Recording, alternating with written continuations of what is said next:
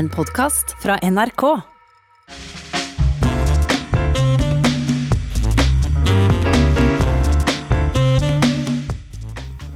Vi kan ikke sette punktum uten å snakke om det vi nordmenn er så intenst opptatt av, eh, nemlig været. Og Derfor er du invitert her til Studio 62, statsmeteorolog Bente Wahl. Jo, veldig hyggelig å komme. Jo, velkommen. Men det er vel for mye forlangt eh, å, å be deg fortelle om hvordan været vært i sommer? Ja, det får du meg ikke til. Jeg sliter egentlig litt med å varsle været for morgendagen akkurat nå, så sommeren skal jeg i hvert fall ikke begi meg ut på. Ja, for det er litt vanskelig for folk å akseptere det der uforutsigelige ved vær. Ja, Vær er rett og slett uforutsigbart. Og så er det sånn at noen ganger så er det mer forutsigbart enn andre ganger. Har vi et høytrykk, eh, en høytrykkssituasjon som vi hadde for noen uker siden, så er ganske, er prognosene ganske sikre. Da kan vi liksom si hvor, stort sett hvor lenge det blir liggende, i hvert fall. Men eh, nå som vi er inne i en sånn lavtrykkssituasjon hvor det kommer og går lavtrykk hele tiden, så kan vi si noe sånn ganske sikkert generelt om været neste uka. At det blir lavtrykk som vil komme inn sørfra, gå nordover osv. Men et detaljvarsel for Bergen eller for Oslo eller eh, Karmøy f.eks., det er eh, så å si umulig. Og folk er blitt så vant til at de skal ha været akkurat for det stedet de er. De ser jo på Yr og ser sånn skal det være her i morgen. Og det er nok ganske Det kan være usikkert bare en dag fram. For en del år siden så eh, meldte dere hver tre dager fram i tid, og det var kalla langtidsvarsel. Nå varsler dere for ei veke. Eh, hva har skjedd? Prognosene og disse datamaskinene som regner ut været, de har jo blitt veldig, veldig mye bedre. Jeg begynte å jobbe for over 30 år siden, og da da var det faktisk litt sånn at vi tegna store værkort, og så så vi på den storstilte værsituasjonen som vi sier. ikke sant? Det kommer et lavtrykk over de britiske øyer, kommer inn mot Sør-Norge og går nordover. Folk var fornøyde med at det kom hvis de fikk beskjed om at det kom regn i løpet av dagen. Men så har disse værmaskinene blitt bedre og bedre fordi vi har større datakraft. Og det gjør at vi kan regne ganske nøyaktig. Men så er det dette med at været er kaotisk igjen. Det var jo en meteorolog på 60-tallet som presenterte den sommerfugleffekten, som kanskje noen har hørt om, som sa at hvis en sommerfugl blafra med vingene i Brasil, så kunne det utløse en tornado i Texas. Og det er litt sånn at hvis bare den initialtilstanden Vi regner jo ut været ut ifra um, Vi har masse observasjoner på hele kloden, mm. og så regner vi ut været, hvordan det skal bli. Men hvis den initialverdien, den startverdien, bare endrer seg bitte lite grann, så blir været veldig forskjellig når vi begynner å regne to og tre og fire dager fram. Og det gjør denne uforutsigbarheten. Og den tror jeg ikke en datamaskin noen gang klarer å takle helt. Så det blir jo bedre og bedre etter hvert som datamaskinene blir bedre, men samtidig så er atmosfæren kaotisk. Når dere meteorologer sitter og jobber med dette, hva er det viktigste ikke å bomme på? Det viktigste er jo farlig vær. Eh, det vi sender ut farevarsler for, som kan være gå på liv og helse og sikkerhet. Det er jo det aller viktigste vi gjør. Jeg må jo si at eh, om jeg varsler om folk får med seg en byge i Oslo eller ikke, om de får malt hus eller ikke, det er jo egentlig ikke så farlig. Eh, det går som regel bra, men det er klart disse styrtregnepisodene, hvis det fører til skade, uvær i fjellet, uvær på sjøen, det er jo det på en måte som er vår aller viktigste jobb. Hvis vi tar en kikk bak fasaden på Meteorologisk institutt, eh, er dere kollegaer alltid enige om været? Nei, det er vi nok ikke. fordi det er jo litt subjektivt. Vi ser på disse værmodellene, og vi har mange forskjellige værmodeller vi ser på i løpet av en dag. Eh, sånn godt eksempel er morgendagen, hvor jeg har to forskjellige værmodeller som viser ganske forskjellig vær for Oslo-området. Den ene har nedbøren ganske tidlig forbi, og den andre den gjør at det klarner opp og blir ganske bra vær. Og Da må jeg vurdere hvem av disse som er mest sannsynlige. Og Her går det jo litt på erfaring. Det går litt på Alle har vi, både en som bor i Oslo og en som bor i Bergen, har en et forhold til været og tenker forskjellig ut ifra hvilke erfaring vi også har, og hva vi syns er mye regn, f.eks. Jeg syns kanskje litt regn er mer enn en bergenser, som er vant til mye mer og tenker at dette er veldig lite. Så alle har vi en ballast, også vi meteorologene, om hvor vi er vokst opp, og hva slags vær vi er vant til. Ehm, men så prøver vi jo på en måte å samle oss. Men vi diskuterer jo mye. Hvilke av disse er mest sannsynlig? Hva tror vi mest på? Det er ikke alltid vi er enige. Noen mener at vi må sende ut et farevarsel. Noen mener at det går, går greit denne gangen. Vi er ikke helt ferdig med denne værpraten ennå, Bente Wahl.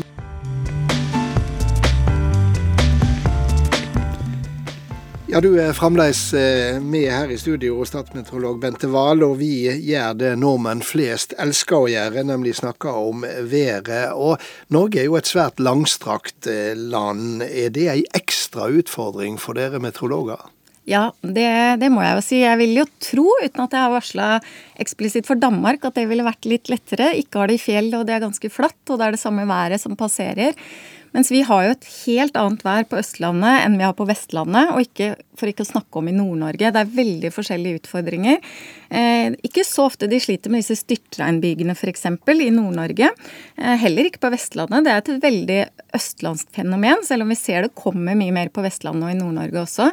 Mens eh, kystlinja har jo denne forskjellen mellom pålandsvind og fralandsvind, hvor kan, temperaturen plutselig kan skille med 15-20 grader på noen timer fra om du har pålandsvind eller fralandsvind. Um, så det er veldig store forskjeller. Og det er klart når vi skal sitte og varsle for hele landet, så er jo jeg mest kjent som bor i Oslo og jobber i Oslo med været på Østlandet. Uh, det er derfor har vi også et meteorologisk institutt i Oslo, uh, en avdeling i Bergen og en i Tromsø. Sånn at vi har folk på en måte på hvert sted som er eksperter på hvert sitt område. Men uh, vi i Oslo varsler jo også for hele landet. Det er jo også de i Bergen og de i Tromsø. men vi er jo best på vårt eget sted, det vil jeg nok si. Ja, og Sånne forskjeller er jo viktig å vite om for å skape et mest mulig objektivt bilde, vil jeg tro. Det er veldig viktig, og det handler jo veldig mye om erfaring. Det handler jo om eh, noe å erfare. En ting er å se dette på en værmodell, at vi alltid ser det. det og, og, værmodellene er så gode. Så det er veldig lett å stole kanskje litt for mye på de hvis man ikke har erfaring fra et sted. fordi at da lener man seg mye mer på den kunnskapen som ligger i datamaskinen. Mens der du er veldig godt kjent, der har du nok lettere for å si at nei, men dette skjedde ikke forrige gang. Her har jeg erfart at dette ikke stemmer. Selv om værmodellen sier sånn og sånn, så, så har jeg en erfaring for at det kan bli mer eller kraftigere, eller det kan blåse mer enn det modellene sier, f.eks. Så den erfaringsbaserte lærdommen er nok veldig viktig i meteorologi. For ellers så kunne jo folk bare brukt yr, hvis ikke vi hadde noe å komme med utenom det. Vi eh, snakker om vær og vi snakker om eh, klima, eh, men det er ikke nødvendigvis det samme. Nei, absolutt ikke. For været er jo det vi har i dag og i morgen, og det som skjer hele tida. Mens klima er jo på en måte mye mer den langstrakte statistikken. Og klima kan vi faktisk si noe om både 50 og 100 år fram i tid. Det er faktisk lettere nesten å si noe om klima langt fram i tid enn det nesten er å si noe om været i morgen. For det er mye mer kaotisk. Mens når vi ser på klima, så, så sjalter vi på en måte bort alle de små nyansene, og så ser vi på trenden. Om det blir varmere, om det blir våtere.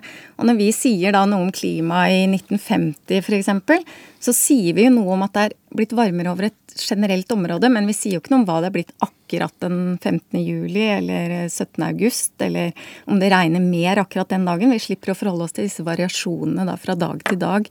Så klima og vær henger veldig nøye sammen, men samtidig er det veldig forskjellige ting også. Ja, For det er ingen tvil om at det er blitt varmere? Ingen tvil om at det er blitt varmere, og det er vel ikke så veldig mye tvil om at det kommer til å bli litt varmere heller. Så er vel det store spørsmålet hvor mye vi klarer å dempe den oppvarmingen. Men eh, det er jo ikke sånn at det bare er å skru på en bryter. Vi, vi, det kommer til å fortsette å bli varmere. Eh, selv om vi stopper nå å slippe ut eh, mer klimagasser, så vil det gradvis bli varmere. Men det vil jo bli mindre varmt enn det gjør hvis vi fortsetter. Så, og det, det, gjør jo ganske det har ganske store konsekvenser for været vårt at det blir varmere. Men i den diskusjonen så kan vi ikke dra inn om sommeren 2021 blir veldig varm, eller om det blir en relativt eh, regntung og, og småkald og hustrig sommer? Absolutt ikke, for her eh, varierer det fra år til år. Men det er klart at når temperaturen i Norge har steget med én grad, så vil det jo si at når vi får en skikkelig varmesommer, så blir den litt grann varmere enn det har vært før. Vi setter litt flere rekorder. Men det kan jo fort være at vi får en kald sommer igjen, og vi kan få en varm sommer. Men når grunntemperaturen stiger med en grad, så vil jo alt på en måte heve seg litt. Vi ser at vi får færre og færre av disse kulderekordene. Og det rare er at vi får kulderekordene på vinterstid gjerne. Eh, nei, på sommerstid, mener jeg. Det er jo da vi ofte ser at det kan være litt kjølig. Du, lyst til å spørre deg, Vi går mot slutten, men, men hvordan er det å jobbe med noe som alle har et mer eller mindre aktivt forhold til? Eh, det er litt både og. Noen ganger så vil jeg helst ikke si at jeg er meteorolog, men eh, er jeg på et eller annet sted hvor jeg ikke kjenner noen, og så er det jo veldig fint å si at man er meteorolog, for da har man jo alltid noe å småprate om. Jeg tenker at å være lege og meteorolog må jo være det helt ideelle hvis du ikke er glad i å smalltalk. fordi at eh, er det litt sånn tyst i et selskap, så er det bare å si hva du jobber med, og så da har du noe å prate om resten av kvelden. Hender det at eh, dere eller du får telefoner for folk som skal ha et bryllup eller et stort selskap og vil vite været? Og det har jeg hatt mange telefoner opp igjennom, og særlig kanskje litt før i tiden, hvor det var vanlig at man ringte personlig til Meteorologisk institutt. Det var så mye rare telefoner at eh, jeg kunne sikkert holdt på en hel dag med å fortelle. Og det er om man skal male huset sitt, om man skal ha grillparty, om man skal sette opp eh, eh grilltelt, man skal ha bryllup den og den dagen. Ja, det kan være så mangt. Så da fikk vi jo både klager og ros på telefon også. Så det er blitt litt mindre av det med åra, men fortsatt så er det noen som ringer rett til oss. Du var så vidt inne på dette med, med Yr, eh, og, og, dette tilgjengeligheten hele tida. At en kan gå inn og sjekke på hver eh, minste by og bygd i, i Norge. Eh, denne større tilgjengeligheten til værvarsler, har det gjort noe med autoriteten til eh, Meteorologisk institutt? Det er jeg litt usikker på. Jeg tenker at det er veldig bra at folk har fått tilgang til det, men kanskje, kanskje det, folk overvurderer litt hvor presist et værvarsel faktisk kan være når man får dette punktet. Eh, men samtidig så finnes det så mange, mye informasjon på Yr man kan bruke rundt det også, som gjør at det kan underbygge. Og jeg tror folk har blitt mye flinkere til å lære seg å tolke været. Blant annet bruke radar på Yr og en del sånne ting. Og det er jo bra. Vi ønsker jo at folk skal forstå været. for vår største utfordring er kanskje ikke at vi varsler feil, mener jeg i hvert fall. Jeg syns veldig ofte jeg varsler riktig. Jeg syns veldig ofte jeg går hjem og tenker at sånn blir været i morgen, og så blir det sånn. Allikevel kommer jeg på butikken, og så sier folk ja, men hvorfor varsla du det her? Og da er det jo formidlingen som har Jeg syns jo det var akkurat den følelsen jeg gikk med at været skulle bli, det jeg ser ut vinduet. Men jeg har kanskje ikke klart å formidle det riktig, og så oppfatter folk det feil. Så jo mer folk lærer om vær og bruker vær, jo lettere har de for å forstå det vi formidler, tenker jeg da. Så det er pedagogikken i dette som eh, kan også være en del av eh, jobben din? Ja, og den er nok blitt en utfordring med Yr, og at folk får eh, værvarsler for hvert minste punkt. Før så hadde de ikke det, da hørte de bare på hva vi sa. Mens nå har de sjekka Yr, ikke sant, og så kommer vi med noe, og så matcher kanskje ikke det helt. Og da, da blir folk litt sånn Nei, men dette stemmer jo ikke.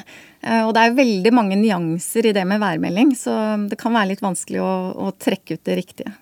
For i hvert fall ønsker deg lykke til med dagens eh, melding. Tusen takk for praten, og eh, god sommer til deg, statsmeteorolog Bente Wahl.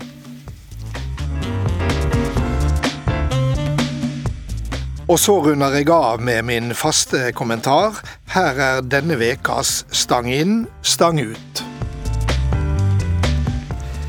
Det sumer, og det er tid for å puste ut. Eller kanskje like presist, det er tid for å puste letta ut. I over 15 måneder nå har vi vært holdne i et koronagrep. Et grep av frykt og fortviling, irritasjon og sinne, usikkerhet og tvang. Vi må nok attende til okkupasjonsåra for å finne noe som så fundamentalt har tatt fra oss den daglige fridommen til å organisere våre egne liv som vi sjøl vil.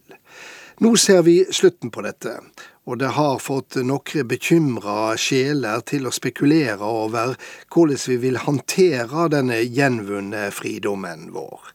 Det er ikke verdt en eneste bekymra tanke, for dette kommer til å gå helt fint. Vi mennesker er jo sosiale dyr, også de mest usosiale av oss. Og om det skulle komme noe godt ut av denne nye erfaringa vi drar med oss videre i livet, ja, så må det være et sterkere bevissthet om hvor mye den medmenneskelige kontakten betyr for oss det tilfeldige møtet, en kaffekopp med en kollega, noen ord i butikken, små pratestunder hist og her, eller en fast håndtrykk og en spontan klem. Ja, alle disse tilsynelatende ubetydelige tinga som er små brikker i det merkverdige puslespillet som utgjør hverdagene våre. Jeg tror det er dette vi har savna mest. Derfor tror jeg også at vi vil vite å ta hverdagene våre tilbake, gjøre de nettopp våre igjen, på hvert vårt vis. Så vil vi kanskje ta med oss også et større bilde. For vi har fått stadfest at Norge er et tillitssamfunn. Det betyr ikke at vi har applaudert alle koronatiltak, heller ikke at vi ikke har vært irriterte og sinte, men det betyr at grunnleggende sett tror vi styresmaktene våre vil oss vel, kanskje fordi de stort sett vil nettopp det. Derfor har det ikke vært noe munnbindopprør her i landet. Ingen høgrøyste aksjoner mot vaksinering. Knapt noen har demonstrert med budskapen om at vi er på vei inn i diktaturet. Ja, alt slikt vi har sett i land som ikke har tillit som en resonansbotn i tilhøvet mellom det styrende og folk flest. Vi nordmenn har funnet oss i tiltak som har grepet inn i livet våre. Vi har kjent oss basta og bunden i både hverdag og helg, men vi har skjønna poenget med det, og vi har funnet oss i det fordi vi ser at det har verka. Det ser vi ved å sammenligne oss med land som har valgt ei anna line. Lærdommen om tillit er en bagasje det er verdt å ta med seg videre. Den kan være nyttig å ha i mente når polariseringa igjen tek til å verke, når falske profeter spiller på auka motsetninger og grove karikaturer av politiske motstandere. I mellomtida kan vi rett og slett glede oss over at det vi har vært igjennom, ikke gikk verre enn det trass alt har gjort. Nå skal jeg slett ikke korkje skjønnmale situasjonen eller bagatellisere de mange prøvinger vi har vært gjennom.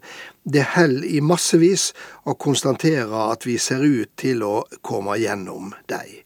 Og det er mer enn god nok grunn til å ønske god sommer.